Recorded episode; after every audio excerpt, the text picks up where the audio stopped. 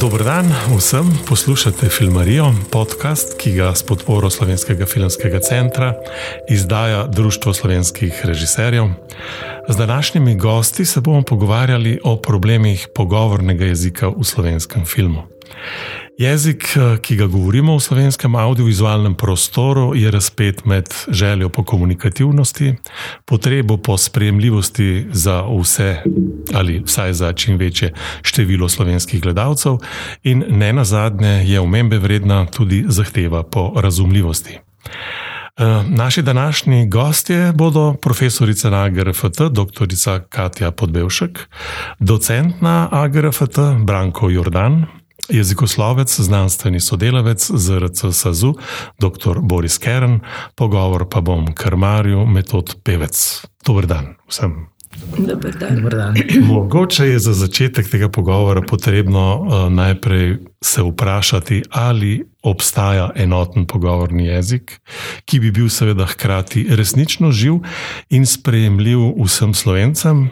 Smo da nimo blizu temu cilju, ali pa je tak cilj sploh misija ne mogoče. Pa bi to vprašanje veljalo zastaviti kar vsem, pa bi prosil najprej, uh, Katja, kje ja. smo, pravzaprav, da imamo najprej določiti, kje smo ob tem vprašanju.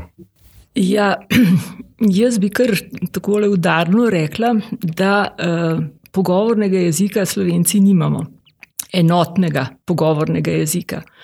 Uh, ker na to vpliva uh, recimo uh, regionalna pripadnost, vpliva starost, vpliva izobrazba, vpliva ne vem, mogoče neke okoliščine, ali gre za formalni govor ali za neformalni.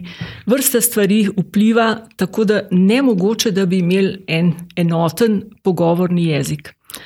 Uh, zdaj, Meni bi se bolj zdel govoriti o eh, govorjenem jeziku, nasproti pisnemu jeziku, kar se tiče v tem kontekstu filmskega, v filmskem področju. Eh, eh, namreč te razlike se mi zdi, da se premalo upošteva. Razlika, ko scenarij, ki je pisan, prenašaš v govorjeni jezik. In v bistvu se mi zdi, da bi morali že v scenariju biti neki znaki, ki bi nakazovali to posebnost govorjenega jezika. Seveda v ta govorjeni jezik potem pridejo razno razne različice slovenskega jezika. Ker edini jezik, po moje, ki je enoten, je zborni knjižni jezik. Ta je enoten, zato ker je tudi kodificiran, ker je normiran, ker ga imamo, imamo pravila zapisana, ta je enoten in vsi slovenci ga v bistvu razumemo. Ne glede na to, ali ga znamo govoriti ali ne, ampak razumemo ga vsi. Uh, to je edini, ki je enoten. Uh, pogovorni je pa, kaj, kaj bi rekla, ne? Uh, že zdavnaj ne, so se spraševali, da to ni zdaj, to je neverjetno. Ne? Ne vem, mislim, da že v 60-ih letih, da se je eh, profesorica Breda Pogorelec spraševala o tem, kaj je pravzaprav slovenski pogovorni jezik. Ne? Mi sicer imamo sistematizirano, kakšne so zvrsti slovenskega jezika, ampak jezik živi svoje življenje, je zelo živ, živa struktura, bi rekla, ne? ki se spreminja in je ne mogoče določiti en splošni enoten pogovorni jezik. Pač jaz tako mislim in tako uh, bi rekla um, v pogovorih, v dialogih. Uh, Tudi študenti, ki so najmlajša generacija, recimo, ne, ki se ukvarjajo z jezikom tako ali drugače, ne, imajo podobno mnenje, ne, da je ne mogoče imeti nekaj enotnega, nekaj to pomeni, da bi bilo kodificirano, da bi bila pravila, kako ta pogovorni jezik uh, govoriti. Um, no, se, mogoče bomo še kasneje, pa če še kdo drug pove svoje mnenje. Jaz, uh, ja, se pravi, lahko uporabljamo bolj ali manj množino pogovorni jezik ali govorjeni jezik. Recimo, ja. ja sej, ampak ravno v tej množini je problem, mogoče uh, pojasnim motiv, uh, zaradi katerega mogoče danes uh, sedimo za to mizo. Ne? Slovenski film ima ta problem, da lahko sicer uporabljamo to množico pogovornih jezikov, se bomo, ampak problem je v tem, ali so vsi ti zelo različni pogovorni jeziki na tem trgu tudi sprejeti ali sprejemljivi. Hočem reči, slovenski film se je nekaj časa tudi zaradi siromaščine zatekal nekam v bližino Ljubljanščine. Ta Ljubljanščina je bila v drugem največjem slovenskem mestu popolnoma nesprejeta, nesprejemljiva kot nek tuj govor. Se pravi, slovenski film bi se rad približal nekemu pogovornemu jeziku, ki bi bil sprejemljiv za vse. Torej, govorimo o nekem kompromisu, ki ga seveda verjetno ni mogoče normirati, zapisati, mogoče pa samo s prakso ali kakorkoli lahko približamo. Pravzaprav to je motiv, zaradi katerega uh, sem tudi jaz za to mizo in pobudnik tega pogovora. Zdaj pa predajam uh, besedo uh, naprej, Branko Jordan. Um, ja. um, zdi se, da bi želeli slišati, da, da obstaja, oziroma da, da pač nekje je, da bi ga lahko uporabljali. In tudi bi rekel, da se mi zdi, da vsak od nas, ki zdaj tudi mi štirje, naprimer, ali pa kogarkoli bi s komerkoli bi govorili, kogarkoli bi srečali, bi rekel, da ja, pogovorni jezik obstaja, zato ker, ker ga govorimo in je kar pogovorni. Ampak seveda problem nastane v tem, da je to izrazito partikularno, individualnost po sebi sodim. In takoj, ko poskušam ugotoviti, že med nami štirimi obstajajo skupne um, značilnosti, a jih, a jih lahko sistematiziramo, pa bomo tako nastal, bo nastal problem, kaj šele naprej. Ampak ta občutek, hočem reči, v nas pa je, da obstaja nekaj, za razliko od knjižnega jezika, zapisanega, če, če rečemo. In ta občutek nas, nam seveda govori, da bi nekje moral biti. Ne? In zato je to občutljiva tema, ne? Hočem reči, ne? posebej znotraj uh, filma. Mogoče, Druga stvar je pa, zdaj jaz kot igralec, seveda govorim v gledališču, um, naprimer, pa se manj s tem ukvarjamo, se zdi, kot da je na nek način odrski uh, govor, jezik standardiziran, da ga uporabljamo, imamo manj težav, je seveda z vsako predstavo. Na novo, jezikov, z vsakim novim jezikovnim konceptom postavljen, do katerih meja, v katero smer, um, česa se bomo držali, ne. Ampak zdi se pa, kot da je bolj oprijemljiva, uh, bi rekel. Uh, da obstaja, no? da, da, da nam je bližje občutku, da obstaja in ne, ne delamo velike, velikih težav. Ne? Nekako lažje prehajamo med različnimi oblikami, uh, ko nižamo recimo zapisano besedo. Ja, se verjetno je treba uh, ločiti ne? dejansko obstoječi pogovorni jezik, ki ga govorijo ljudje, in tisti pogovorni jezik, ki ga uporabljamo uh, v javnosti, se pravi ali v audiovizualnih medijih. Uh, Uh, se pravi, tam bi pa mogoče bila potrebna neka, nek konsens in prilagoditev. Seveda, tukaj zadaj moram kar omeniti, da uh, ždi tudi neka zavist. Uh, velike nacije, oziroma velike kinematografije, tak jezik imajo. Ne? Se pravi, ko gledamo ameriški film, govorijo neko amerikanščino, ki dejansko ne obstaja, obstaja v ameriškem filmu. Uh, in je enotna, sprejemljiva za vse uh, ameriške gledalce, pa poleg vsega še za nas. Tudi v drugih večjih kulturah je prišlo do nekega kompromisa, ki je pač nek jezik, ki ga govorijo. Ne? Zdaj sem se samo navezal, zdaj pa predajam naprej besedo na isto vprašanje, torej kje smo, Boris Keren. Um. Ja, jaz se moram tukaj seveda strinjati s kolegico Podbevša, ki mislim, da je to absolutno uh, misija ne mogoče. Uh, mislim, da je jezik preveč zaznamovan tako s prostorom in časom in vsemi drugimi parametri, ki jih je kolegica že omenila. Um, In dejansko, sicer ta tradicionalna uh, delitev socialnih zvrsti, ne, ki pozna pač, um, pogo knjižno pogovorno zvrst kot del knjižnega jezika, in pa um, neknjižni pogovorni jezik kot del neknjižne zvrsti, um, doživlja tudi nekatere poskuse uh, sprememb, v smislu, recimo, kolegica Vera Smole je sedaj že pred 20 leti pisala o Uh, v bistvu o novi delitvi, uh, ki ima na eni strani uh, torej narečje in na drugi strani um, knjižni govor, pri čemer je pač narečni nek um, naravni, krajevni govor, medtem ko je knjižni jezik normiran. Um, in potem vmes je pa cela spirala nekih različic teh um, pogovornih jezikov. Um, In um, jaz mislim, da je tukaj pač pogovornost v veliki meri zaznamovana tudi s formalnostjo položaja. Ne? In ko mi vstopamo v, bistvu v neformalne položaje, je v bistvu praktično nemogoče pričakovati, da bomo imeli neko normiranost, oziroma neko poenotenost. Jaz absolutno razumem, da bi taka potreba bila, da bi bilo to zelo ugodno, če bi kaj takega obstajalo. Um, Ne vem pa, če je to zelo realno. Um, jaz mislim, da je zelo pomembno pri filmu to, um, da so uh, liki zelo profilirani v bistvu.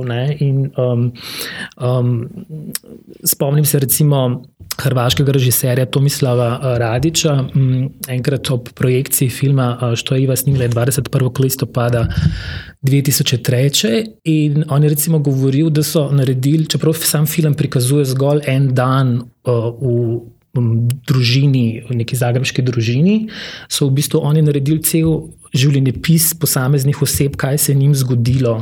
Um, in se mi zdi, da se je to na filmu odlično odrazilo. In jaz mislim, da je ena taka, taka profi, profilacija, če temu lahko tako rečem, se mi zdi potrebna tudi iz jezikovnega stališča. Ne? Zdi se mi v jeziku, oziroma v filmu, zelo pomembno, da so stvari avtentične. Ne? Ker če niso avtentične, v bistvu odbijajo. In tudi meni, kot, razimo, kot jezikoslovca pogosto zmotijo neki umetni dialogi, recimo vem, pogovor med eh, vem, tremi dilerji. Ki ima neke elemente, že skoraj malo poknjiženosti.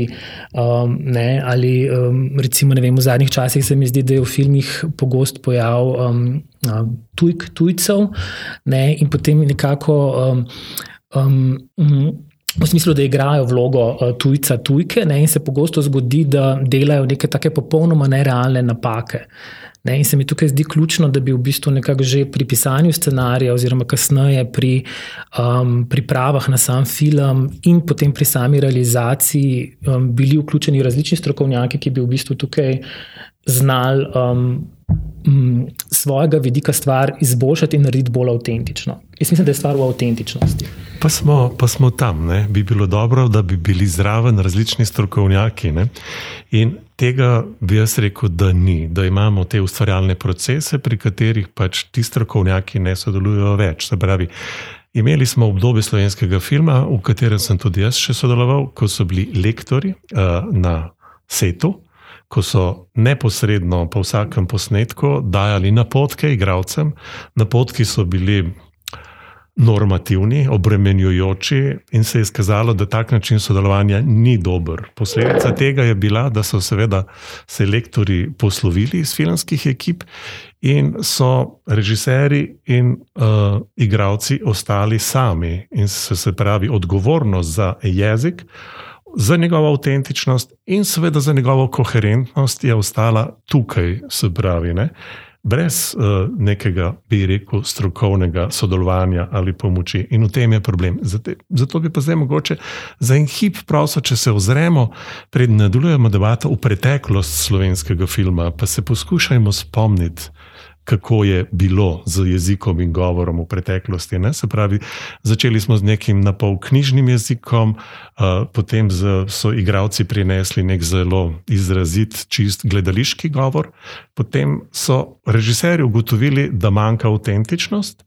In kaj je bil prvi refleks? Ne, že mislim, da tretji slovenski igrani celovečerni film, Kekec, je šel ven, menda celo izmišljen dialekt. Se pravi, začelo se je uh, ko bi rekel, izogibanje problemu, po mojem mnenju. Uh, se pravi, in um, pravzaprav smo šli po ta nek živ, avtentičen govor, ki je bil dialekt, zaradi zadrege, bi rekel, večkrat kot zaradi neke pristne, estetske, ustvarjalne potrebe. To je bilo moje mnenje. Zdaj pa bi prosil vas, vsakega posebej, da se odzovete na isto vprašanje, kako je bilo s tem jezikom v preteklosti, vsaj recimo do. Če že govorimo, vsaj v prejšnjem stoletju. Ne? Ja, jaz uh, vem, recimo, za, za Mitjo Sovreta, ki je bil morda prvi lektor pri, pri uh, filmu Vesna. Ne vem, če ti to veš, metod. Um, in on je takrat poskušal, vsaj kolikor vem, da se spomnim uh, iz nekih zapiskov, um, poskušal po, pogovorni jezik, ampak ne narečno. Ne, ne narečno. Uh, in takrat so nekako hvalili ta jezik, ki ga govorijo uh, v tem filmu. Uh, in se je zdelo, da smo na neki taki poti. In zdaj je že dolgo nisem gledala tega, ne, ne čakaj na maj, pa, pa vesna, mislim, ne, ali kako je že. Uh, in uh, da je šel v smeri rahlih redukcij, tisto, kar si danes tudi predstavljamo, da, je, da bi bilo pogovorno, ne, da, da je malo. Malo nižal, no, bi rekli danes, ne, z nekimi redukcijami, eh, knjižno slovenščino. In takrat se je zdelo to kar nekako sprejemljivo za tisto obdobje.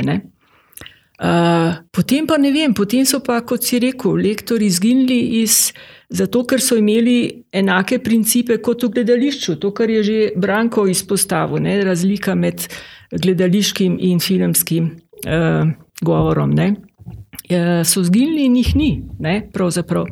In tudi, če bi poklicali koga, ne, recimo nekega gledališkega lektorja, če bi recimo sodeloval pri nekem filmu, ne, po mojem se ne bi dobro obneslo, ne, ker gledališki lektor ima popolnoma druge izhodišča, druge. Druge poglede na to, kakšen naj bo jezik na odru ali pa v neki uprizoritvi. No, zdaj, če govorimo o klasičnem ali pa teh običajnih uprizoritvah, da se ne dotikam teh nekih uh, neinstitucionalnih gledališč. Ne, recimo, ne.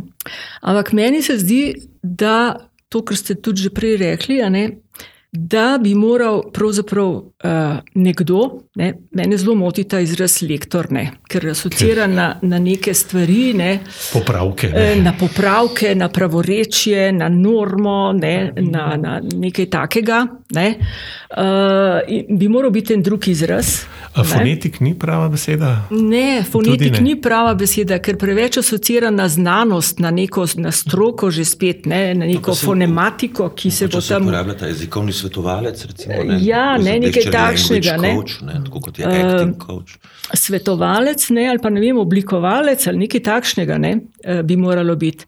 Ampak to sem hotela prereči, ko si ti, Boris, o tem hrvaškem filmu govoril.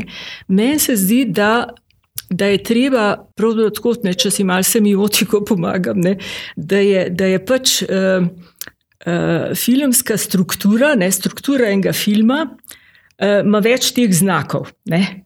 In eden od teh znakov je seveda tudi govor. In tako bi ga bilo treba obravnavati. Ta govor mora pristajati v filmsko strukturo. Tako kot mora vem, izbira, uh, izbira uh, ne, okolja, ki se bo snimalo, ne, vse ostale reči, kako bojo oblečeni, ne, ravno tako govor. Ampak govor se sploh ne, pozor, ne posveča pozornosti. In od začetka bi se moralo to, od, po moje, od scenarija naprej, v, uh, delati neko, nek, uh, kako bi rekel, neko sliko, kakšen bo govor, ki se bo ujel v to strukturo, ki se bo ujel v vizualnost mariborskih vedut, ne, ali ne vem česa, ne, ali pa ki se bo ujel v ljubljanske. Ne? Mislim, da se bomo k temu problemu še vrnili, ker je ja. v bistvu se načenja ta esencialni ja. problem.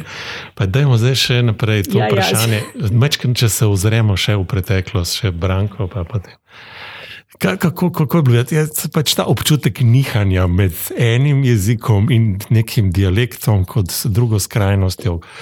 Uh, kako si to doživljal, tudi kot gledalec ali pa kot igralec? Mislim, najprej moram reči, tu, da večino stvari, ki jih bom jaz rekel, ampak tudi ne vem, sklepam, ne, gre za dost uh, lastne občutke. Ne. Eh, namreč eh, film eh, slovenski je izrazito podvržen raznim stereotipom, pa tipskim oznakam, pa posplošenim oznakam, recimo, kako je bilo. Tako.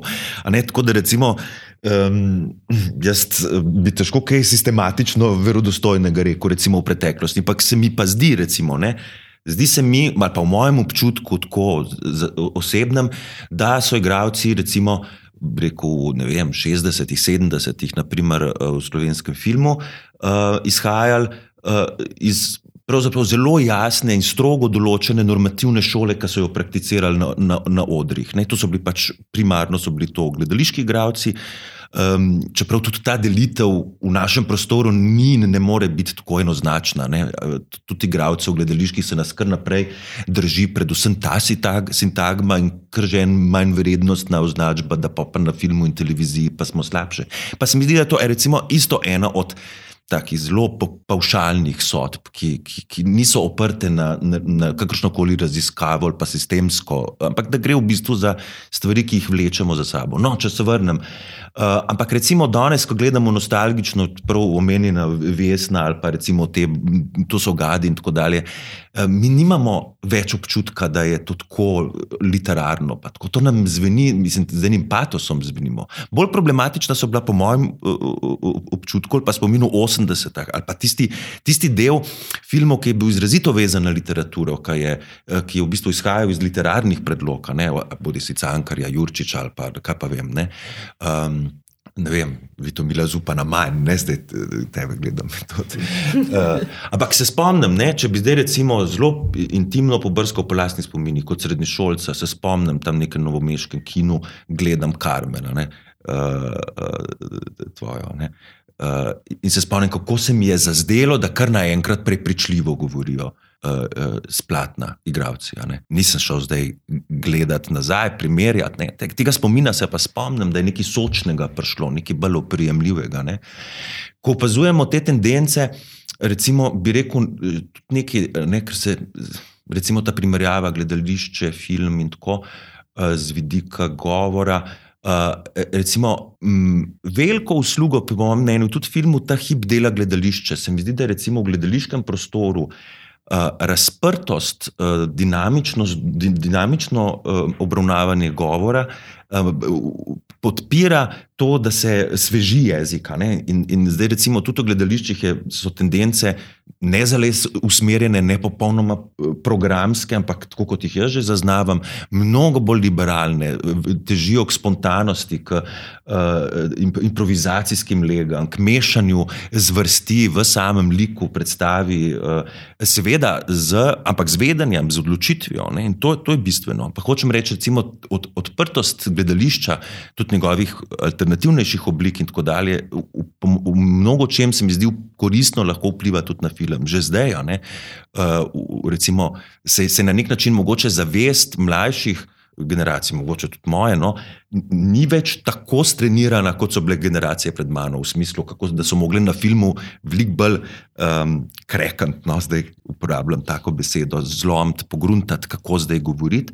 Uh, se mi zdi, da, že, da, da, da mi veliko bolj neko pogovornost poskušamo uvajati tudi v gledališču, tako da imamo ali pa še prihajajoče generacije večjo težavo s to normativno uh, zbornostjo, ne, standardom, s knjižnim jezikom. Nam je že vse tuje, kar vse govori o tem, da so tendence, ki so bliže gledališču, no, gledali, pardon, pogovornemu jeziku. No. Ja, ampak to je zdaj.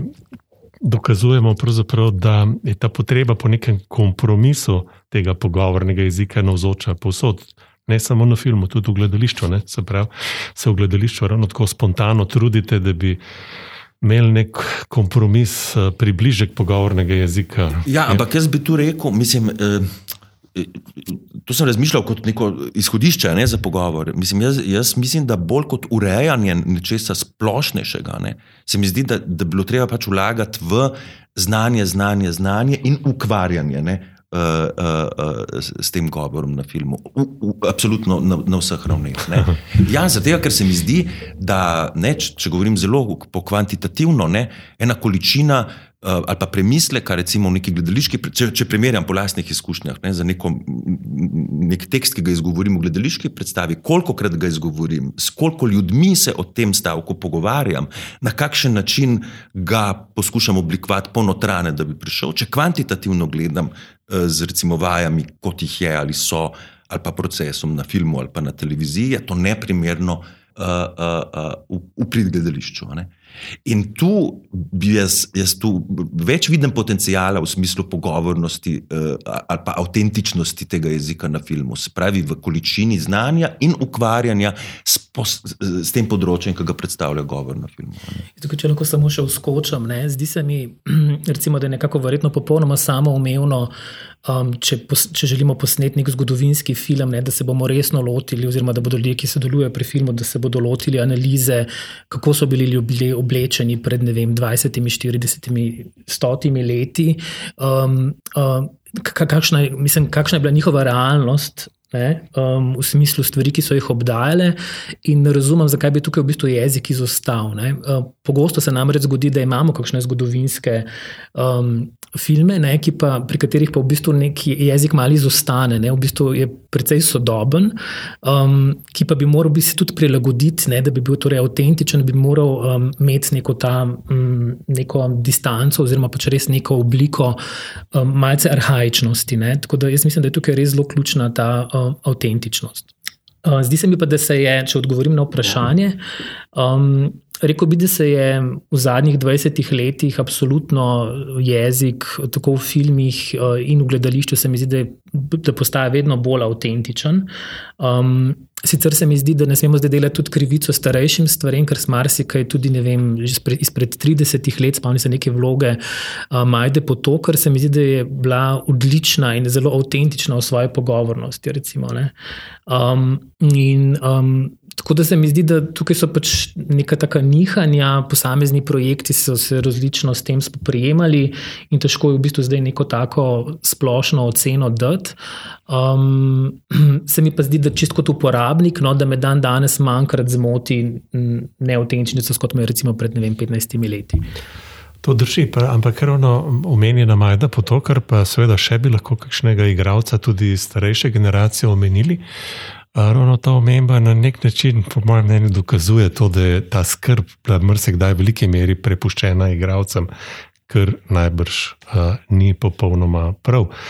Oziroma, lahko povzroči težave, ne? če imamo mi uh, pred kamero ljudi, ki so v določenem uh, kontekstu, ki so povezani v takšno ali drugačno socialno skupino, seveda pričakujemo, da bodo govorili približno isti jezik ali podoben. Uh, če pa je ta skrb prepuščena tem posamičnim igravcem, bo pa do tega verjetno teže prišlo. Ampak dajmo zdaj pa res uh, pičiti v sredino. Ne? Se pravi, ta pogovorni ali govorjeni jezik se ne začne v našem primeru pred kamero. Ne? Žal se tudi to dogaja, ne? ampak se pravi, se uh, ta pogovorni jezik začne, ko prvič napišemo neko repliko. Se pravi, v našem primeru, ko scenarist napiše dialog. Uh, in tukaj imam včasih tako občutek, sploh kadar berem tekste naših študentov, ki vsi se zatekajo v varnost svojega govora, ker ta je edini, ki jim je avtentičen. In potem, ko pa morajo naučiti govoriti vse svoje junake, se pa začnejo težave, ker so ti junaki drugačni, ker mora mama govoriti že malo drugače, pa staroče drugače, da ne govorimo, da ne razvlečem preveč. Ampak se lahko na začetku vprašamo, oziroma ali se kdo strokovno s tem ukvarja? V čem je ta govorjeni, pogovorni jezik drugačen? Uh, mislim, že čist na tej teoretski ravni, kako ga prepoznamo, kako bi lahko nekdo, ki piše dialog, se tega zavedal, v čem je ta drugačnost, ker gotovo ta drugačnost ne obstaja samo na nivoju jezika, obarvanosti. Uh, melodije, ne vem, obstaja uh, verjetno tudi v sami sintaksi in še kje. Uh, ali je to raziskano, do kakšne mere, oziroma na kak način bi to lahko prišlo prav kakšnemu, zdaj smo na samem začetku, se pravi, nekomu, ki piše uh, dialoške vrstice svojega scenarija.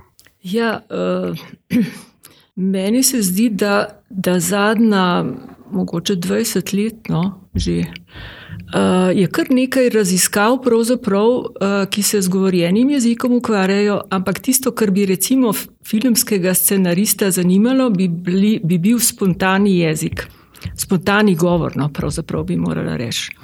In to je prav, kako bi rekla, termin ne, teh raziskav, spontani govor, Kar pomeni prosti govor, pomeni, da nimam vnaprej pripravljenega besedila. Ne? Uh, da pravzaprav sproti ubesedujem neko, neko realnost, ki je okrog mene v tem hipu. Ne? In pač sproti tudi uh, procesiram uh, neke misli. In filmski govor v bistvu teži k temu, da bi ti junaki, ki govorijo, izgledali tako, da točno v tem hipu si izmišljujejo uh, te, ne? bolj kot, kot v gledališču. Eh, se mi zdi, da je, da je pri filmu še bolj to izpostavljeno, ti govoriš o avtentičnosti. Ne? Eh, da bi izgledalo tako, da so res, zdaj le si izmišljujem ta govor, zdaj le mi ta misel prihaja in jo procesiram, pravkar mi nastaja. Ne? In je nekaj raziskav ne, tega spontanega govora, in je tudi uh, nekako opredeljeno, no, vsaj kolikor jaz vem, katere so tiste značilnosti, ki bi prišle prav, recimo, nekomu, ki piše uh, scenarij. Ne? Uh, in potem tudi realizatorju, pravzaprav ne govorcu, tistemu liku oziroma igravcu, ki bo govoril ta, um, te replike. Uh? Uh, recimo, ne, če se zdaj spomnim, recimo, kako vertikalno teče dialog in kako teče uh, horizontalno v repliki, ne, sintaksa. Recimo, znotraj replike horizontalno lahko so neki, neke ponovitve začetkov, tako kot v spontanem govoru. Začnem, pa ne rečem čist tekoče eno repliko, ampak se mal. Eh, kako bi rekla, zaustavim, pa se spomnim, mogoče bi pa en drug skladenski vzorec, eno drugo sintakso, pa ponovim, pa še enkrat začnem, recimo, taki ponovitve. Ne? Ali potem, recimo, kakšni te ki jim rečemo tudi mašila, ne? ampak so v bistvu včasih tudi eh, neka vez med dialogom. Ne? Da rečeš, veš, a veš, a razumeš, a ne, eh, a misliš. Ne? Ta, take, taki izrazi, ki naredijo nekako živ ne? Eh, ta dialog in, in peljejo v smer te spontanosti. Ne? Eh, to bi bilo lahko že v scenariju, recimo, je, je, je to že v nekih razpravah, ne, ni to zdaj kodificirano, ne, da bi rekli, točno tako mora biti. Ne, ali pa recimo pre, prekrivni govor, sem se zdaj spomnila. Ne. Prekrivni govor se pravi, ko, ko si pravzaprav eh, skačete v besedo, ne, tako da, da se mal prekriva govor enega igralca, pa ta drugega. To, to se v realnosti dogaja. Ne. In uh, to daje en, en tak šarom. Ne? Ni nič važno, da se razume tisto ali ne, se bo sta že, bo že naprej šlo skozi dialog, ne? ampak daje en občutek avtentičnosti, da tako kot v realnem življenju. Um, uh, skratka, te raziskave obstajajo in še nastajajo, zlasti ker. Imamo zdaj to tako imenovano korpusno jezikoslovje, kjer se zbira cel kup uh, posnetkov, nekega, nekega gradiva, zvočnega gradiva, uh, takega spontanega govora, tudi, in ga je možno res na velikem gradivu ne, uh, proučevati. Ne. In um, neke izsledke tega, ne, ker so v nekih razpravah, je to prav sistematizirano zapisano. Ne, um, bi se dalo uporabiti, recimo, že pri pisanju scenarija. To je, to je ena stvar, ne, kako scenarij pišeš. Druga stvar, kar ste igravce omenjali, se mi pa zdi, da seveda tudi je še ena plast, kako, ta, kako so te replike govorno uresničene. Potem, ne, se pravi, kakšna ta zvočna sredstva, ki jih ima igralec na razpolago, e, kako jih skombinira, katera izbere. Ne gre samo za to, da bo zdaj rekel repliko, e, ti, kje pa je bil tisti umor. Ne? ne gre samo za to, ampak gre tudi, kaj bo poudaril, kako bo intonacijo naredil, kakšno, kakšen um, ritem tega, te replike bo, kako bo to rekel, s kakšnim ritmom. Recimo, Uh, Spravo, to je še ena plast, ne? tista interpretativna, pravzaprav igravčeva, ne? tam je igravčeva vloga, kako bo to naredil. In tam je tudi, uh, kako bi rekla, njegova, njegova individualnost igravska, da pa rečemo, aha, tale, tale je pa perfekten govori. Ne? Zato, ker zna tudi te zvočne elemente z, z temi mimičnimi, ne, oziroma vidnimi, dobro uh, izkoristiti. Ne. Ali pa rečemo, je tam pač smrt v obraz, ne se sploh ni, ni v skladu ne, s tem, kar govori. Ne. To je igralsko. Ampak ono drugo, ne, pisni del je pa v scenariju že, ne, kako je. Ne. Je pa seveda tukaj eno zelo kompleksno vprašanje, ne, ker se mi zdi, da je igralcem lažje, če dobijo v roke tekst, uh, ki ima tudi svoj podtekst, kontekst, uh, se pravi, takrat. Dobi ta presežek eh, prepričljivosti, ne? se pravi, so, in to je seveda že vprašanje uh, pisanja dialogov. Ne? Če je uh, sam tekst, se pravi, besedilo, dialog, če je enodimenzionalen, potem je tudi interpretacija, nima nekih posebnih možnosti. Uh, Ja, um, seveda, uh, gremo še naprej. Ne? Čeprav to vprašanje ima še številna podvprašanja, ki so specifično filmska, v mislih imam predvsem to, seveda, da, uh, da ima film seveda ta pri, uh, problem, da ima vmes uh, mikrofon in potem zvočnik, da je to se pravi neka. Uh, Ja, umestna pač, modulacija in transformacija. Tako da, igravci, potem kar naprej slišimo, ne v druge replike hoditi, ker bo s tonom problema. Ja, to je zdaj ta presečni. Ampak, ko smo že pri govoru samem, ne, se mi zdi, da se moramo pač vprašati, ali je. Ne, Kje je ta razlika, ne? ker je že Katja deloma omenila, ni vse v nivoju jezika, ni vse, zdaj, ker To je za nas najslabše, ker se uh, igravci včasih sami odločajo, ali pa, vem, ali pa je to prepuščeno. Se najpogosteje dogajajo kakšne redukcije. Ne? Sam se je treba zavedati, da so te redukcije pa pravzaprav zelo lahko nevarne. Zato, ker bojo šle v točno določeno smer nekega majhnega tega pogovornega, ne, govorjenega jezika, značilnega za majhno okolje. In ta redukcija bo povzročila, seveda, še skozi vsta proces tonski. Uh, bo povzročila to, da utegne biti ta uh, reducirana beseda na koncu nerazumljiva. Vsaj za nekoga, ki ni vajen slišati to vrstnih redukcij. Ne. Se pravi, zato je za filmski dialog toliko bolj pomembno, da se ta, pri, to približevanje nekemu dobremu. Avtentičnemu govorjenemu jeziku zgodi tudi na tistih nivojih, ki ne osiromašijo uh, zvočnosti ne, samega jezika. Uh, zato je to vprašanje tako pomembno, da predajam naprej to isto ja, vprašanje. Je, je povezano v bistvu prav s to temo pogovornosti, kaj ti gre za ta občutek. Ne? Ker če govorimo samo o tem, da bi neke določene besede ali pa, pa vem, neka, z nekimi pravili, recimo, dobili boljši ta občutek pogovornosti, bi se zmotili, po mojem mnenju. Ne? uh, ta avtentičnost na nivoju uh, jezika ali pa govora, o kateri Boris govori, uh, je na drugi strani pa še avtentičnost igralca, to pa, kar je Katja omenila, se pravi, kako interpretirati. In zdaj, sam po sebi je lahko. Mislim, z dobro interpretacijo, prepričljivo, avtentično, z igralskega vidika, ne, živo je, je lahko pravzaprav nek dialog ali pa neka replika v tem dialogu zapisana v bistvu noro knjižno, pa deluje kot da je pogovorno. Tako da ni samo, bi rekel, eh, bi samo z urejanjem jezika premalo naredili. Zato se mi zdi to pomembno vprašanje. Um, z, z, recimo pri, pri, z igralskega vidika je pa tako, ne, da seveda bi si želeli, mislim, najlažje bi bilo, seveda, recimo. Velika investicija je na strani scenarija, na nek način, da razložim. Ne. Se pravi, če bi zelo v nekih idealnih pogojih govorili, ali pa tam nekje nekem hollywoodskem svetu, recimo, ne, kjer igralec potem sam pripravi vlogo, tako rekoč pride na set in ne, odigra neverjetne like in tako dalje. Tam govorimo pravzaprav že o scenarijih, ki so v noro, noro dodelanih oblikah, kjer ni prostora za improvizacijo, da tako rečem. Ne. Se pravi, če bi, ampak pustimo te sanje, ne, ali pa tudi mislim, da niso zelo produktivne, ampak scenarij, ki bi v svoji obliki bil uh, čim bolj živ in, in, in igralcu, ki ga prvič prebere, blizu v pogovornem smislu, ta ideal bi bil dober. Zdi se pogosto, to je paušalna ocena, ne, da scenariji velikrat v prvi vrsti zasledujejo zgodbo, kar je razumljivo, ne, ker tam je vse napor, kako, kako povzeti. Manj ali pa.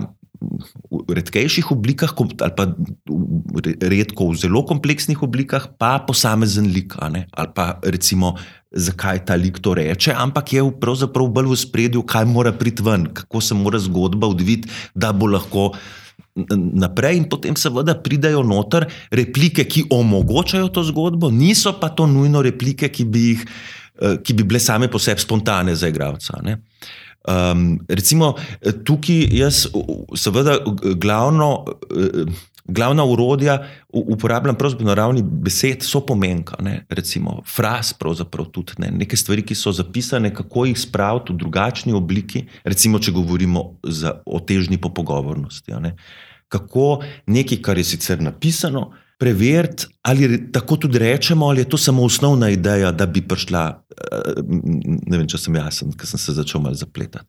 To je ta scenaristični del, v bistvu. Ne? Ja, um, se, se ki ga poznamo, se je tudi opisan recimo, v vseh scenarističnih priročnikih.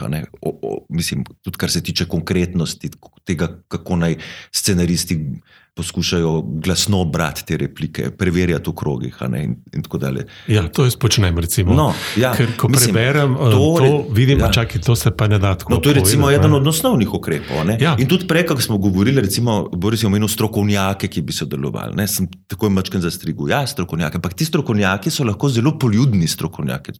Jaz, recimo, študentom s filma, recimo, kadar se pogovarjamo uh, in poskušam čim večkrat reči, naj, naj oni berejo svoje scenarije, naj pa dajo tudi brati scenarij svojim prijateljem, ki niso nujno jezikoslovci, uh, jezikovni svetovalci, svetovalci, kompetentni, ampak da preživečijo, da sliši, da, da, da preveri, naj, ta, naj ta krok preizkusa scenarija, da tako rečem, ne? tudi z neko mogoče neko igralsko ad hoc ekipo, ki ni na koncu uh, dejansko uh, zasedba, ki je pri filmu. Recimo, ja, to je ta scenaristični postopek. Ne? Drži, ne? ampak če tako pogledamo, ne? pri filmu uh, uh, filmske. Uh, Ekipe so razdeljene, tako rečemo, sektorsko, ne? sektor režije, sektor kamere. In na koncu imaš lahko sektor, ki skrbi za puške in pištole, uh, pa je sektor, sektor, ki skrbi za zelene liste na drevesu, pa je sektor. Nimamo pa tega sektorja, se pravi, uh, pozornosti, vsaj sej, če govorimo o strokovnem sodelovanju, ni nujno, da govorimo v tem smislu, ne, da pride nekdo, ki je zveličaven uh, in ultimativen in normativen in tako naprej, ampak nekdo, ki več ve, ki je že samo to, da bi bil nekdo, ki je pozoren na to, uh, od samega začetka pa do konca, je nekaj. Tako pa prihaja tudi do tega, ker ni nihče, ni nikogar, ki bi bil sistematično pozoren, pride do tega, da imamo vem, film, televizijsko nadaljevanko, kjer ljudje, ne, kjer govorijo pač poljubno, vsak svoj jezik, čeprav so v resnici v nekih zavezujočih kontekstih, odnosih, kar je najbrž moteče. Zdaj sem prehitev, ker v bistvu je Boris na vrsti še na to isto vprašanje, kje se pravzaprav začne razmišljanje o govorjenem jeziku v, za film ali za gledališče ali za karkoli. Da bi se še na to navezal, da, se mi zdi, da je zelo pomembno, da se zavedamo, da tudi mi, kot sami, ne govorimo zgolj enega jezika, ampak se tudi naš jezik spremenja, glede na to, ali se mi zdaj tukaj pogovarjamo na tem podkastu ali se bomo kasneje slišali z nekom od svojih vem, prijateljev, partnerjev, komorkoli.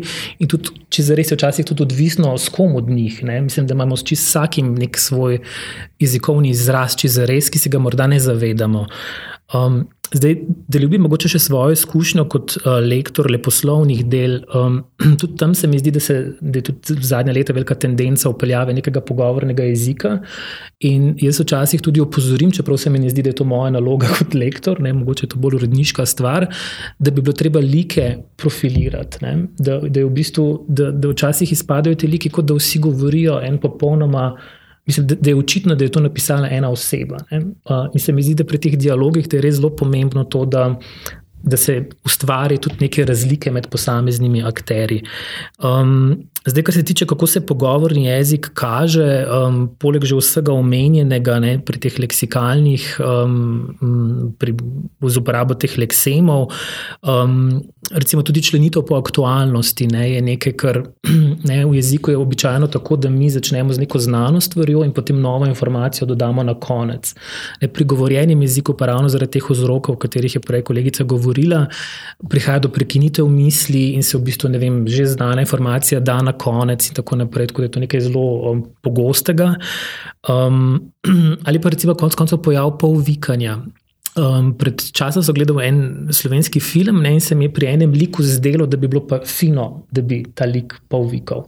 Pa je to v bistvu neka stvar, ki meni osebno mi je zelo tuja, mi um, me celo mogoče malo zmoti.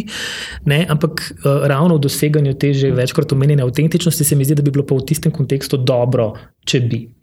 Um, zato, kar ste prej omenili v zvezi s, um, s celo to proceduro snemanja in um, tonom, in tako naprej, s temi zapleti, ki so lahko. Um, S katerimi se lahko ustvarjalci soočate. Mislim, da je sicer film, pri filmu marsikaj možno. Ne? Um, omenil bi en primer iz Polske in sicer recimo režiserka uh, Mogoša Šomovska, ki je ena od bolj prominentnih režiserk polskih, uh, je za enega, mislim, da je bil to njen drugi celovečerni film, igra, uporabila igralko, torej film je bil v polščini, igralka pa je bila Nemka, ki ni govorila polsko. In so potem sinhronizacijo v bistvu um, naredili njen lik. Ne? In jaz moram reči, da ko sem bil na premjeri v Vršavi, da sem bil šokiran, da tega nisem opazil. Sicer potem, ko sem gledal ta film ponovno, sem videl, da je bilo veliko teh raznih trikov, ne? da je bilo pogosto, so bili neki prizori, da se ni videlo direktno v usta in tako naprej, ne? da so bila neka pomagala. Ampak mislim, da se mi zdi, da je to zelo pogumno strani uh, režiserke, da je v bistvu dala glavno vlogo um, polskega filma v polščini osebi, ki ne govori polsko, in je na koncu v bistvu bil rezultat odličen. Tako da, m, verjetno je marsikaj tudi možno ne, v filmski produkciji narediti. Ja, sej, tukaj je zdaj seveda vprašanje, ki ni tako, uh, ki sodi bolj k nama. Um, kako, uh, kako pač uh, naši liki govorijo. Dejansko je to povezano vprašanje, ker je zelo povezano s tem, kako je ta lik sploh karakteriziran. Ali je on že zares narejen uh, v vsej svoji polnosti, ker če tak je, potem bo znal tudi govoriti, tako praviloma je. Uh, Sveda pa zdaj vprašanje, kako do tega prideti. Uh, bom tako z anekdotično povedal svoj primer. Sem pisal scenarij za film pod njenim oknom in ena oseba nikakor ni znala govoriti. Nekako je bilo to štorasto, takrat so se pojavili prvi te internetni četi, da si lahko se prijavil in sem se jaz kot avtor prijavil kot 50-letna gospa, ki je zelo svobodomiselna in ki tako tako in so se tako z druge strani usuli, um, kako bi rekel, so se usule replike. In zdaj sem bil jaz v tistem stresu, pravzaprav prisiljen, da v hipu začnem govoriti kot ta oseba, ne, kot ta izmišljen lik. In moram reči, da je bilo zelo učinkovito, pravi, da sem šel skozi nek stres. Um, in tako se mi zdi, da bi pravzaprav morali to vprašanje, to vprašanje reševati tudi na tak pragmatičen način, na tej naši strani, na strani, kjer pišemo. Ne? Se pravi, dialoge, preden bi šli v kakršno koli realizacijo, preveriti njihovo vzdržnost, njihovo točnost, glede na karakterizacijo te osebe in podobno. Ne. To je pa seveda vprašanje, ki ne vem, komu ne bi zdaj se to mizo namenil. Ampak če imate kakšno repliko. Mislim, da je tukaj ne mogoče tudi čisto predvideti, že v sami fazi scenarija, kaj potem na samem planu deluje. Ne? Tako da se mi zdi, da je treba tukaj o tej temi razmišljati vse čas. Ja, ja, mislim, da je to vidno zelo kompleksno. No? Tako, mislim, viš, Se, sva se pogovarjala. Ne? Recimo, zdaj je pač neka taka tendenca, zelo spet splošno govorim, je od režiserja, od ekipe do ekipe odvisno. Ne? Ampak se je zavlekla recimo neka tendenca, da je pravzaprav igralcem samim prepuščeno. Da, recimo, da, scenarij, da se tretira scenarij kot neke vrste še vedno delovna predloga. In, in je zelo željeno, da posegamo igralci. Uh, v, v scenarij. In, in iz tega se je tudi razvila neka pretirana želja po, po poseganju, ne? da imaš tako rekoč občutek, da že skoraj moraš uh, uh, posegati v scenarij, da, da bo neko prilikovanje meni, ne? uh, kako jaz to rečem, omogočilo, da bom bolj organski, prepričljivejši in, in, in, tako dalje. Ne? Recimo, to je ena. Zato pravim, da se mi zdi, da je kupen mehkih postopkov, kako ugotavljati to prepričljivost. Ne? Ali v fazi razvoja scenarija, ali v fazi vaju, v bistvu. Ves čas, ja, biti odprt. Ne? Edino, kar bi se, kar bi se si jaz želel, da seveda ni edin kriterij to, ta individualni, kako jaz govorim, kako bi jaz rekel. Ne? Niti ne moj lik, ki ga še nimam zares. Um, Še raste, ne, da tako rečem. Ampak, ker tu, ko pridemo v bistvu samo um, Kaj se, enkrat smo študenti, no, sem drobna anekdota, smo študenti pri igri pred kamero kjer so združeni eh, študenti režije, igravci in tako dalje, pogosto tudi snemalci. Tako sem en del posvečen tudi jeziku, govoru. Ne, sem vprašal, kakšen je vaš splošni vtis o, o, o jeziku na filmu. Ne. So vsi znotraj tega stereotipa govorili, da je umetno, izumetničeno, odrsko, recimo, ne pač to, kar na nek način poslušamo že vse čas, kar jaz vem. Uh, in potem sem rekel, ja, ma, ok, in kako zdaj vi, ne? potem pa prišli, pa, pa smo počasi delali njihovi scenariji in so enake forme se pojavljale. Ne? Popolnoma enake. Ne? In potem, recimo, smo ugotavljali, kaj pa, smo vzeli neke primere, kaj pa je to pogovorno. Nekdo rekel, ja, meni je to pogovorno, to mi pa ni. Ne? Recimo, neka popolna nekonsekventnost. Ne, neki smo črtali, nižali, bla, bla, ne vem, videla gor dol, neki pa je ostalo v čisti knjižni obliki. Ne? Smo se pogovarjali, zakaj pa to. Ja, meni se to sliši pogovorno, mi je neka reducirana oblika. Ne, meni je v osnovi prehajanje všeč, ne? recimo, da, da, da lahko zdaj nekaj čist pogovorno tle govorim in krati, lahko prosim, metod odpreš vrata ali pa šampanjec. Nam, ne, a veš, in rečem, ta, zakaj ne, ne, mislim, hočem reči, ali pa se spremeni neka situacija. Ampak, ne, če je to samo. Če to ni ozaveščeno, ne, če ni vzade odločitve, znanja, zakaj to in ne drugo, ampak samo ta lastni kriterij, meni je to ljubše, bolj se počutim, če tako rečem. Ne. Takrat se mi pa zdi to premalo. Ne. Ne vem, sem, Mogoče bi bilo zanimivo še kaj, kakšno izkušnjo študenti, ker to je zdaj pač vidva. Vidva je pač praktično uh, se srečujeta v praksi s tem problemom. Ne? In seveda, študenti igre so bodoči igravci, ki bodo se s tem problemom uh, vse čas srečevali. Ne? In pravzaprav je to ena redkih, eh, pedagoško vodenih, eh, ampak sistematičnih, institucionaliziranih skrbi za, ta, za, za to vprašanje govora. Ja, uh, uh, mi smo enkrat uh, en poskus naredili, uh, študenti. Uh, pobuda je prišla od študentov, ker so si zaželeli uh, preizkusiti v narečjih. In uh, smo prosili eno profesorico iz uh, Koperske univerze, uh, ki jim je pripravila ene tekste, uh, in potem so imeli nek čas, uh, poslušali tudi, in kako bi oni v Dolenskem, skratka, tisti, ki ni bil v Dolenske, vsak v drugem, ne seveda ne v lastnem uh, narečju, ne, uh, govorili uh, neke krajše tekste. Ne.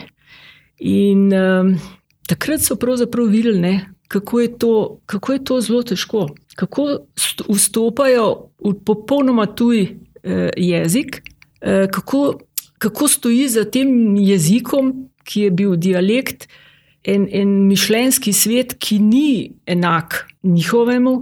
In zaradi tega tudi ne morejo, ne morejo avtentično reči nekega stavka, ki je, ki je v nekem uh, tujem njim tujem jeziku.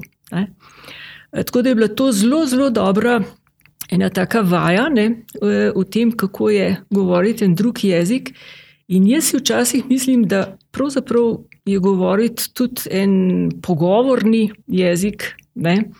Zdaj, kaj je pogovorni, seveda, spet. Ali pa recimo, mogoče celo sleng, da je včasih komu uh, ni organsko, ni naravno govoriti, ker ga ne, ne prakticira v svojem uh, življenju. Ali pa nek visok knjižni jezik. Ali pa, ali pa, seveda, ali pa visok knjižni jezik, seveda.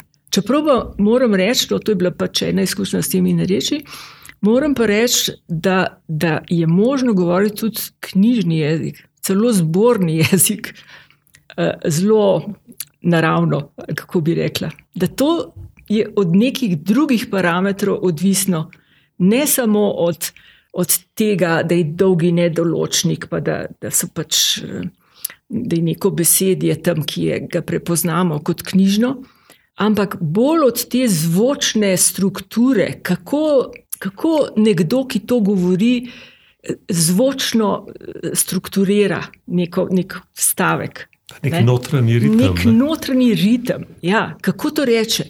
Ker gotovo vsi, imamo vsi neke izkušnje, da smo kdaj poslušali koga, ki je govoril v, v zborni slovenščini, pa recimo, no, da je krajšal nedoločnike, ampak še vedno no, zelo visoka slovenščina. Pa smo še šele na koncu zavedli, da pravzaprav govori v knjižni, v zborni slovenščini, ker je tako naravno nekaj govoril, ker so še drugi, uh, drugi pokazatelji ne, govorjenega jezika, od intonacij, premorov, ritmov, eh, cel kup enih drugih eh, elementov je še zvočnih, s katerimi ti lahko nakažeš eh, neko tako spontanost, naravnost govora, ne pa samo to, da je, da je nekaj v zbornem in to pa ne more biti zdaj govorjeno. Ne. To drži, jaz se živo spomnim predstave uh, Samoroga, ne, Strniševega v Ljubljanski drami, ki je visok pesniški jezik, ampak ker je res tako dober ritem pesniški, so to igravci govorili brez vseh težav. Mislim, to je bilo tako zelo, kako bi rekel, zelo neumetno, ne, zelo neforsirano, zelo naravno ali kako ne rečem, govor, čeprav je bil pesniški. Tako da vprašanje ritma je gotovo tukaj uh, zelo na mestu. Uh, ampak zdaj smo že malo se dotaknili, tudi uh, smo že omenjali narečja. Uh, zdaj, narečja, ker v slovenskem filmu dejansko so pogosto služila kot en azil.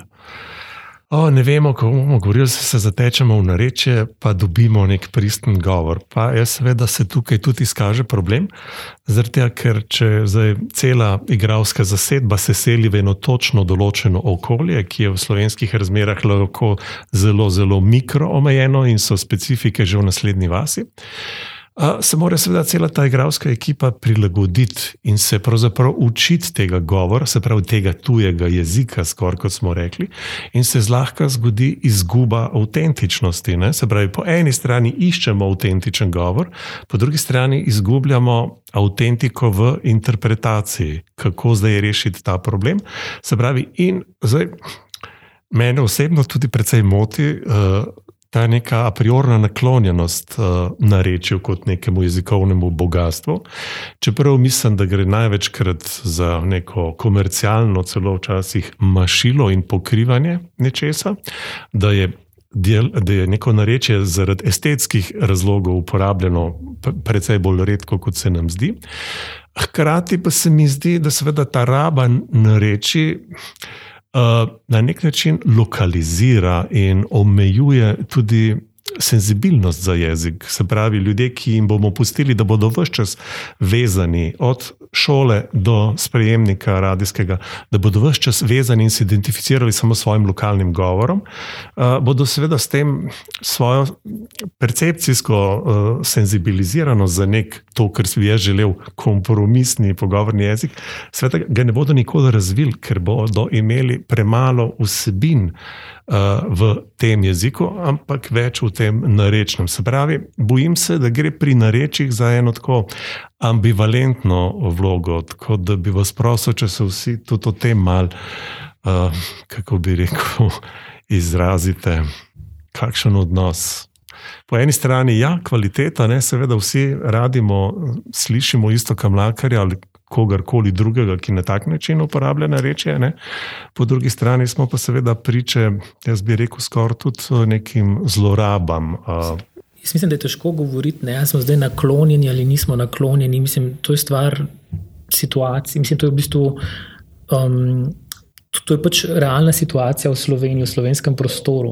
Pač imamo narečja in kako se bo zdaj ta odrazila v filmu, je pač, um, ne bi rekel, da je problem, ampak v bistvu izziv.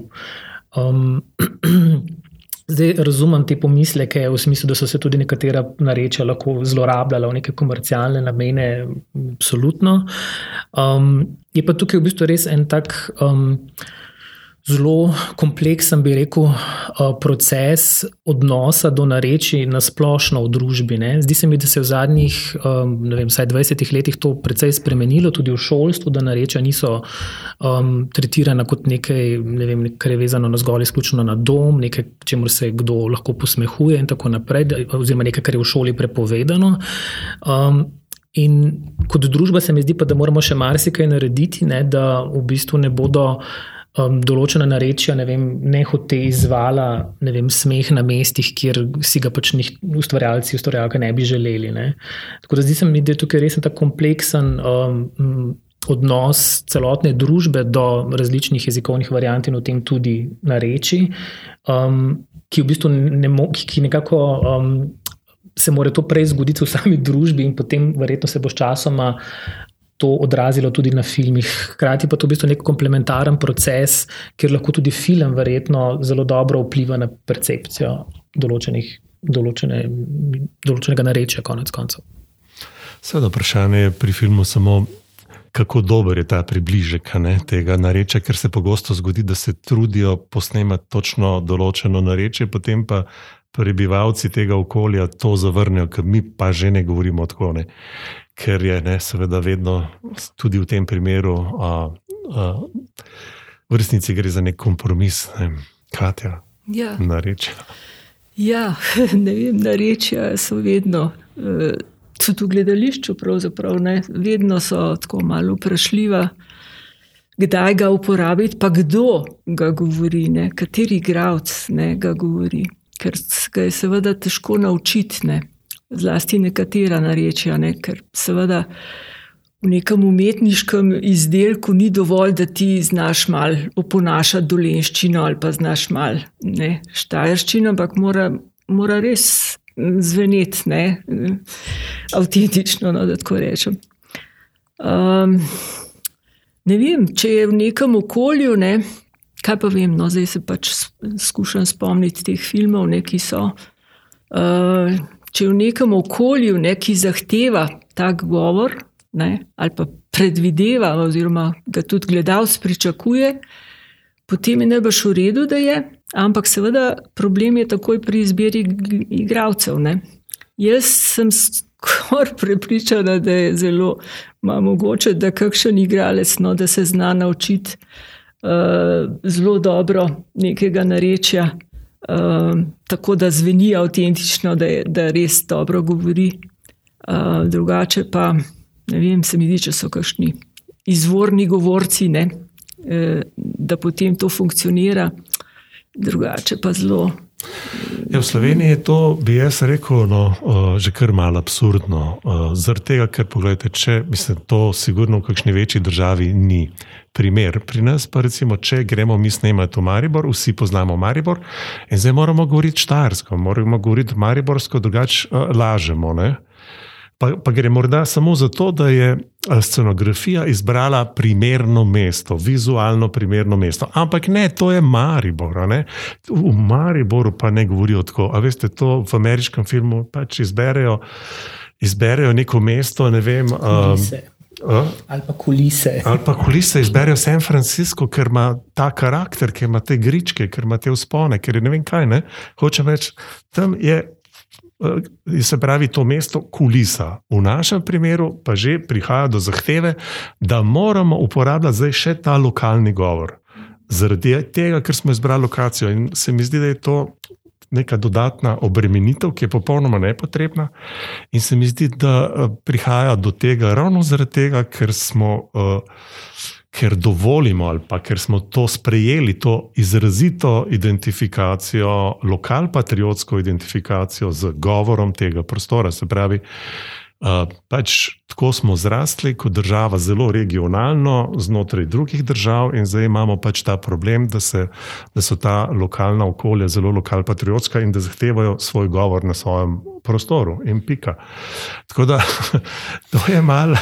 to sem pomenil, mislim, v, v, v dobrem smislu to govori, ne, da smo do nareči, skratka, da je povezava med narečjem in nekim našim čustvenim svetom, ne, da, da je to močna povezava. Ne, da, da se emotivno odzovemo. Ne? Vidimo, da je v Mariboru, zdaj si želimo, ja. da, je, da je v Mariboru. Da slišimo tudi Maribor. Ja, to, to sem pomen, da je. Mislim, to nisem zahteva, to je pravzaprav emotivni odziv. Ker se zdi, da potem je pa to, bi moral biti tako, kot sem navaden slišati vsak dan na ulici. Ja, po drugi strani pa zaradi tega prihaja do uh, zelo krivičnih stereotipov, da v bistvu prihajaš do tega, da se določen, uh, določeno narečje uporablja za to, da bi karakterizirali junaka. Aha, no, to pa je drug problem. Ta bo pa zdaj govoril dolensko, da bo mal, da ne bom rekel kaj, pa štajersko, da bo zato mal, da prihaja do. To je pa zdaj že čista deformacija no, to, tega. Zdaj, zato, je to, ja, ja. Ja, zato je to narečje zelo široka tema za, za moje pojme. Ne? Mislim, ena od teh je ta vem, da bo izpadlo smešno, da bo nek komičen učinek, v glavnem komičen učinek. Pa ni nujno, da, je, da daje sploh uh, verodostojno dialektalno uh, uresničitev, ampak da gre tudi za nek približek. Ne?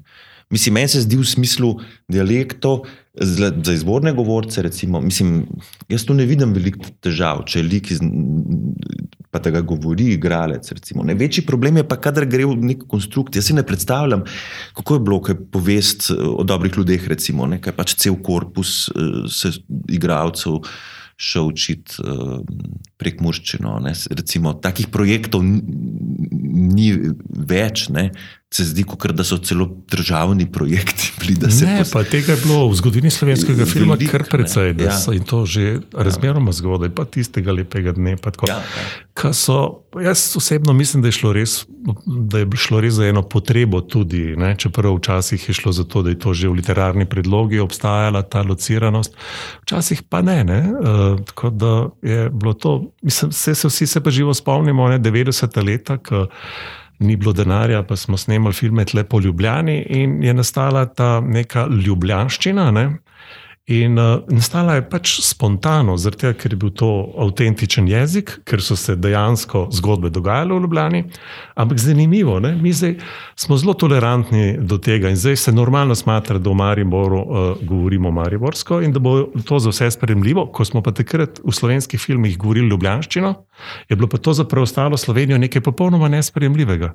Kva se zdaj ti ljubljančani grejo? Ne? Skratka, za. za Za štajerski del Slovenije je bilo to uh, blasfemija, malo da ne.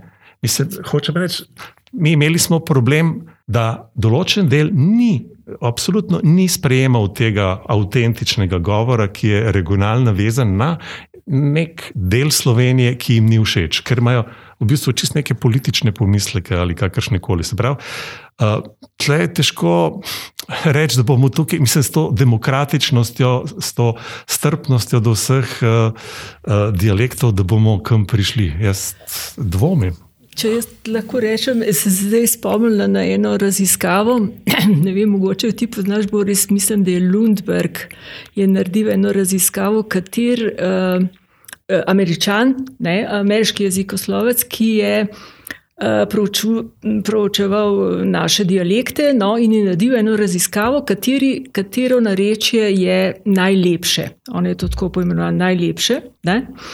In je bilo, uh, sicer je bilo to narejeno med študenti slovenistike na, na Univerzi v Ljubljani in v Mariboru. In rezultat je bil, najlepši je štajerščina in primorščina. In ljubljanščina je bila mal pred uh, prekmorščino.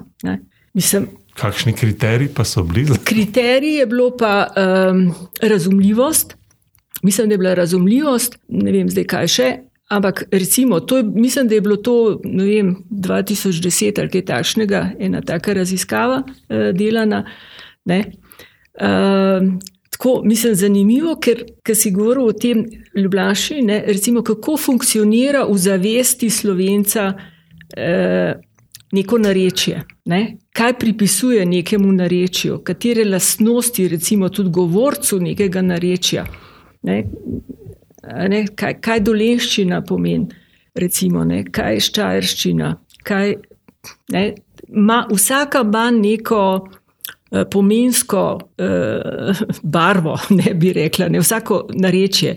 In, in se mi zdi, da pač en filmski ustvarjalec, da kar da eno narečje, ne, mora biti res zelo Zdaj, seveda, če je petelini zajtrk, če se dogaja v nekem okolju, kjer, je, kjer se govori tako, recimo, ne, ampak da imaš pa ti zdaj, te nadaljevanke, ne, mislim, da imaš neko neutralno okolje, ne, pa potem različne, je treba nekako pomisliti tudi na te konotacije, ki jih posamezna narečja nosijo sabo. Ne, imajo neke, neke take pomenske, neke odtenke, ne, ali kaj bi rekla. Sigurno. Je, pa, da, je še eno vprašanje, ki bi ga naslovil, pa pretežno na Brankota. Uh, zdaj, ko je dialog v določenem narečju, potem to prinese tudi neko melodijo. Ne? In me zanima, koliko je ta, bi rekel, zdaj, embalaža, ne, ta melodija tega narečja lahko tudi neko, bi rekel, potuha, oziroma kako, kako se lahko ali se dogaja, da se igralec skrije za to melodijo in da mu je treba manj biti pozoren na samo interpretacijo, ker zdaj že ta melodija prinese nekaj, uh, pokrije, bi rekel, ta govor ali se motim. Uh, včasih sem imel tako občutek, da je uh, dialekt izbran samo zato, da smo na varnem, da se nam z interpretacijo v nekem finem vsebinskem smislu uh, ni treba več toliko ukvarjati, ker imamo ne, govor. Jaz, recimo, nijam, mislim, jaz sem redko delal v dialektih, moram povedati, da bi bil postavljen v neko vlogo, kjer bi bilo željeno. Ne? Ampak. Uh, v, v tem odzivu, ko poslušam, vidim manj problema. Vidim, v dialektu vidim več tega duhovnega sveta. Včasih se zgodi, da z sledjo dialekta uh, lahko določen temperament pride, pa en zanos, naprimer, ki pomaga igravcu. Da se še bolj sprosti, ni nujno, da je prav. Jaz to ne vidim kot skrivanje pred problemom, mhm, kot izogibanje neki izdelavi, ampak tako kot, mislim, tako kot za vsak lik, ne, človek vstopi neko zamisel ali pa željo, ali pa ko preizkuša lik uh, skozi določena vrata. Ena od teh je lahko jezikovna govorna vrata. In, in če to breku za, zaživi, da ti omogoča neka sredstva ali pa. Uh, Ja, eno, eno, eno določeno temperaturo, se mi zdi to v dobrem smislu. Če, če to seveda ni samo nujno, samo nek komični učinek, a, a veš, kaj mislim, samo uh, uh, neka šala okoli tega, da pač enoplastno, ali pa mogoče še dvopla, dvodimenzionalno nekaj narediš, se za, za v neko karikaturo uh, uh, zatečeš. Uh, sicer pa vidim v dialektu bolj priložnost. Vstopa v ta nek duhovni svet, če tvoj, če pa pri, pri drugem, ki ga ne obvladaš, pa poskus vstopa v to. Ne? Ampak jaz bi si vsekakor želel, če bi bil pri tako nalogo z nekom sodelovati, ki bi, ki bi mi pomagal to odpirati. Um, to se mi ne zdi zelo enostavna naloga. Ne? Zdi se mi, da je vrsta igralcev gotov dobro upravljati te naloge. Sveda, po lastnih sposobnostih, deloma ob pomoči si predstavljam, ne? ni pa to zagotovilo. Ne? Pa vsekakor pa ne bi to smelo biti prepuščeno pri posameznem igralcu oziroma igralki. Jaz da, mislim, da ne. ne. Nikakor. Ja. Mislim, Mislim, včasih, zdaj sem tukaj trčmo ob problem, ki ga nikakor ne, ne uspem čisto artikulirati. Ne, v praksi pogosto igralec slovenski in igralka na nek način se znajde m, pri cel kupu rešitev um, sam. Ne. Mislim, sam, ne osamljen, ampak celo kompetentno sam. Pa, da, da mu, nam verjamejo, da bomo naredili boljše, da bo ne, in tako dalje. Ja, deloma je to tudi zaradi te naklonjenosti režiserjev, ki si misli, da si ti sam poišči svoj govor, da boš najbolj spontan, ne? da bo to najbolj tvoj govor. Pa je spet malo kuranje jajce. Mogoče režiser ja. ali režiserka ni najbolj kompetenten na tem področju, pa se mu zdi, da je igralec, igralka korak Bolj. pred njim, prepusti. Ne? Hoč, se govorim o lastnih izkušnjah. Uh, je tudi zanimivo, da pač, ko o tem govorimo, da tudi tukaj ni nobene zares uh, strokovne podpore, zato, ker se mi zdi, da v zadnjih primerih, ki jih poznam, se tudi zgodi, da potem, ko se odloči režiser ali ekipa ali kdorkoli, da bo film določenem narečju, se zelo pogosto zgodi, da za, za tega jezikovnega trenerja, izberejo kakšnega kolega, igralca, ki pozna to nareče, ker je iz tega okolja. Ne? Se pravi, ne nekega strokovnjaka, ampak se je vprašanje, mogoče je to dobra rešitev, morda igralec to najbolj razume, po drugi strani pa seveda je vprašanje, ali je res. Uh, sposoben potem tudi skrbeti za kontinuiteto, za, za vse, za konsistentnost v celoti.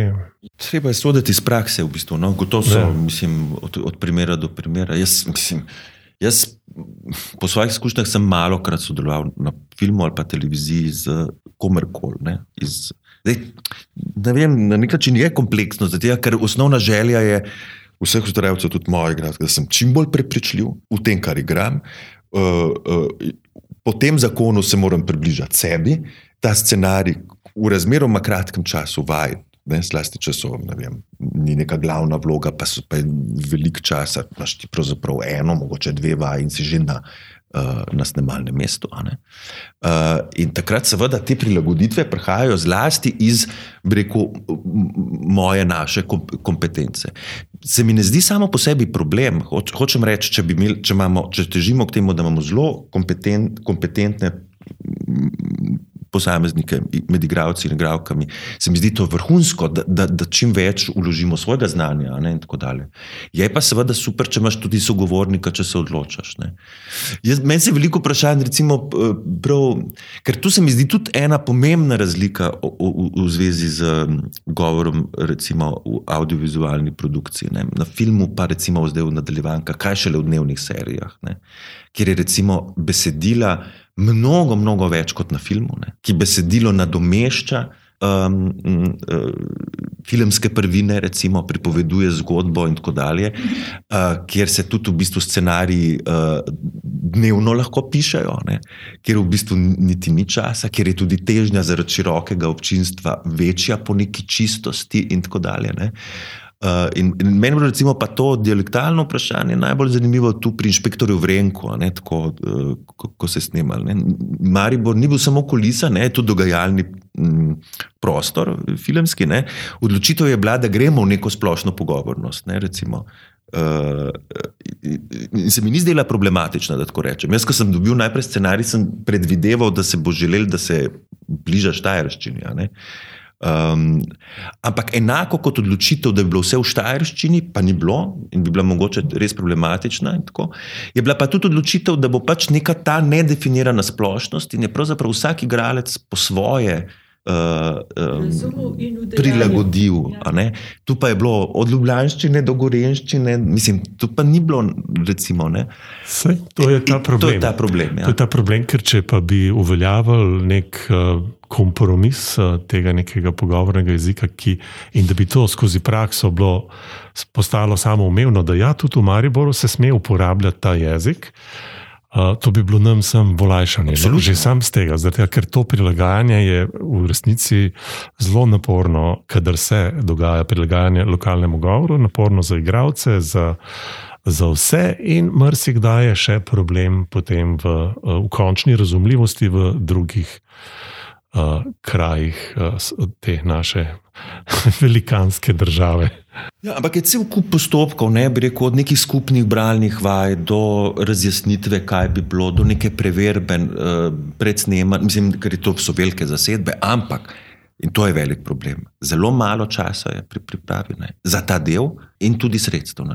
Tudi sredstvo, je pa tudi res, da je premalo pozornosti. Ja. Enostavno, z, z vseh strani. Ne. Ker recimo, če pa bi imeli po nekem ne, uh, ključu, dogovoru, v ekipi tudi mesto uh, tega bivšega lektorja, ki ga zdaj imenujemo svetovalec jezikovni ali kakorkoli, ki bi bil od, se pravi, z scenaristom, z režiserjem in potem z igravcem. Uh, pa sem pripričan, da bi bilo to koristno. Seveda, če bi se ta pomoč dogajala, kako bi rekel, uh, moderno, odprto, fleksibilno, prilagojeno dejanski uporabi jezika. To se mi zdi tudi zelo pomembno, ne, kar ste vi rekli, da ste že v svoj v študijski proces vključili nekatere te vsebine. To se mi zdi zelo pomembno, da se študentke in študenti že v času študija, konc koncev, vsaj delno soočajo s tem, s čimer bodo potem um, soočeni pri samem delu. Tako da uh, mislim, da je ključno, da se te, te teme tudi.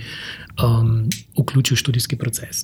To je sicer res, da so razdrobljene te teme ne po različnih eh, predmetih, ampak um, um, Ravno, ravno zdaj, ne pa v pogovoru s tabo metod, ne pa ta miza okrogla v Portorožu o tej temi, ne, nekako napeljuje na to, da bi morali mogoče še mal več pozornosti posvečati tudi nekomu, ki, ki, bi, znal, ki bi znal biti filmski lektor, no, da tako v narekovajih rečem, ki bi bil sposoben pravzaprav se naučiti oziroma doumeti filmski medij, proces dela, način dela, kako ne, neke specifike in Eh, svoj, svoje govorno, jezikovno govorno znanje potem prilagoditi temu. Nekak. In v tem smislu sem jaz prej mislila, da sem rekla, da bi od začetka, od pisanja scenarija, pravzaprav moral biti en tak uh, svetovalec, ali kako bi se temu reklo, ki bi za jezik, torej že za scenarij, uh, tam sodeloval in potem še naprej na vajah z igravci. Ne zdi se mi pa tako nujno, da bi moral biti ta človek zraven na snemanju. To se mi pa ne zdi, ker se mi zdi bolj motna kot ne. Saj, saj za enkrat no, se mi zdi nekako tako. No. E, da bi se morali na vajah pravzaprav že zgoditi uh, ta dokončna dogovor, kako bo, kakšna bo govorna oblika. Ja, uh, Se pravi, to bi bilo idealno, no, bi če, bilo bi, če bi imeli take. Skratka, ugotovili smo, da je problem pogovornega jezika se je spotegnen, eh, se širi, je razpet od samega začetka, ko se napiše prva beseda, ja. pa do igralca, ki jo izreče pred mikrofonom. Pa dajmo zdaj za konec, mogoče samo še na kratko uh, ošvrken problem, kako lahko sploh berljivo zapišemo, recimo, nek pogovorni jezik, da je da je in berljiv, in hkrati razumljiv, in tako, kako zapisovati. Uh, ko pišemo filmske dialoge, se pogosto srečujemo s tem problemom. Prebereš, kaj je napisal, kaj je ta neki kva, koga, karkoli že ne. Ali tle obstaja kak dogovor, ali to pač prepuščamo. Tudi tukaj normiranja ni pričakovati. Um, To je absolutno zelo kompleksno vprašanje, ki tudi, ne vem, se mi zdi, da vsakeč znova zahteva neke nove rešitve. Um, recimo, vem, se spomnim, da sem pri, enkrat pri prevajanju enega romana iz Polščine, kjer je bil tudi zelo deloma v pogovornem jeziku zapisan, da sem mogel v bistvu pri prevodu um, to pogovornost nakazovati na popolnoma drugačen način, kot se je to v Polščini izrazilo ne, z nekimi drugimi. In če bi zdaj človek gledal, primerjal oba prevoda in bi šel tako od um, povedi do povedi, bi v bistvu si mislil, da sem bil nedosleden, oziroma da sem ne vem, preveč nekaj spremenil, ampak je bilo treba res celo besedilo kot v bistvu celoto. Um, um, Najti neko, neko, neko um, različico jezika, ki je v bistvu, ki funkcionira v slovenščini. Ne? In tukaj je v bistvu slovenščina spet absoluten izziv, ne? ker že pri čisto osnovnem, ne vem, ali bom zdaj jaz sem zapisal jaz sem ali sem ali jaz sem. Že pri tako osnovni stvari se v bistvu lahko zaplete. Um, tako da tukaj res nekih um, napotkov absolutno ni, stvar je pa tudi vem, pri samem branju. Verjetno človek, potem ko prebere neko količino tega, nekako doume, kakšen, kakšne tehnike je v bistvu obral, zdaj ne vem, ali pisati, piska ali ne vem, če se karkoli že, ali je to leposlove ali je to scenarij. Ja, pa prvič boli beseda, potem pa gre lažje. Ne? Ja, jaz. Uh... Sem ravno včeraj listala tale naš uh, akademijski adept, naš list, ne, uh, kjer eh, študenti objavljajo svoja uh, dramska besedila, pa scenarije tudi, no, kdaj. In sem videla, kako sproščeno pravzaprav uh, nekateri ne uporabljajo jezik. Ne. Nimajo nikakršnih dilem, nikakršnih vprašanj. Recimo, človek bi si mislil, da bojo prišli profesorico jezika vprašati, eh, kako pa zapišemo zdaj eh, polglasnik, recimo, ali pa kako naj se tega lotimo malo bolj sistematično. Ne. Ne, ne ženirano, oni se odločijo, sem, sem. Uh, uh, ne vem, uh, blat, tako, tako ni komplicirano, so kakšne besede, kjer pa kjer pa mora bralec potem pomisliti, ali, ali je to, ne? ker je nenavadna vizualna podoba besede. Uh, in se mora malo potruditi, da, da najde zvočno obliko tiste besede. Ne? Ampak vidim, da so zelo neženirano uporabljajo redukcije, za, kar zapišajo. Da, ja, se tudi pridno trenirajo to na razno raznih uh, ja, ja, napravah. No, no, no, no, seveda, ker prenos jim je lažji, ne, ker itak uporabljajo tak tip jezika, ne pri SMS, kjerkoli že pač na teh omrežjih razno raznih. Ne. In um, vprašanje pa je potem, ne, to sem že doživela pri svojih študentih, ne, ko dobijo tak tekst študentje, se morajo kar mal potruditi, da ga preberejo, ker morajo nazaj prekodirati v, v, v pisno obliko tisto pravo, ne, da ugotovijo, kako je tam. Aha, ne. Eh, se pravi, nadaljša pot branja je pravzaprav. Ne? Tako da vprašanje, kako pisati scenarije. Ne? Zato večkrat tudi ne zgoraj napisano, v pogovornem jeziku, ne, ali pa ne vem, najbolj v dolinskem narečju, ne, ali kaj s tem kaj. Ne. Ja. res bistveno, da se ta mlajša generacija s tem dejansko nima težav. Ne.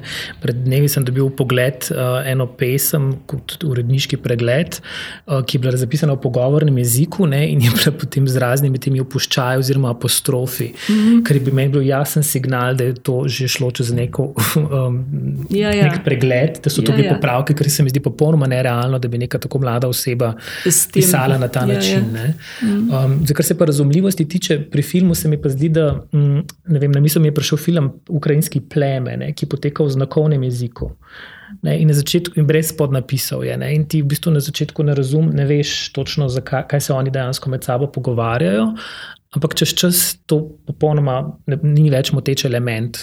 Ne, nekako padeš v samo zgodbo, in se mi zdi, da tako tudi pri drugih razim, recimo, različicah jezika, kot so nareče in tako naprej, se mi zdi, da čez čas se tega, karkoli že to je, nekako navadiš in ti to ponavadi potem ne, ni več moteč element. To drži. Mislim, da lahko zaključimo z eno tako. Uh, spodbudnim upanjem, da bo ta problem, ki ga mi tako resno jemljemo, ta mlada generacija rešila uh, spontano. Tako da bo problem izginil, izhlepel in se nam ne bo treba več z njim ukvarjati, to bo najlažje. Bojim se sicer, da ne bo čisto tako. Hvala vsem, ki ste poslušali ne vem katero že filmarijo, tako da slišimo se, vidimo se spet čez 14 dni. Poslušali ste podcast Filmarija, ki ga izdaja Društvo slovenskih režiserjev s podporo Slovenskega filmskega centra Javne agencije Republike Slovenije. Producentka Zala Opara, tehnična izvedba Luka Marčetič. Hvala za posluh in do naslednjič.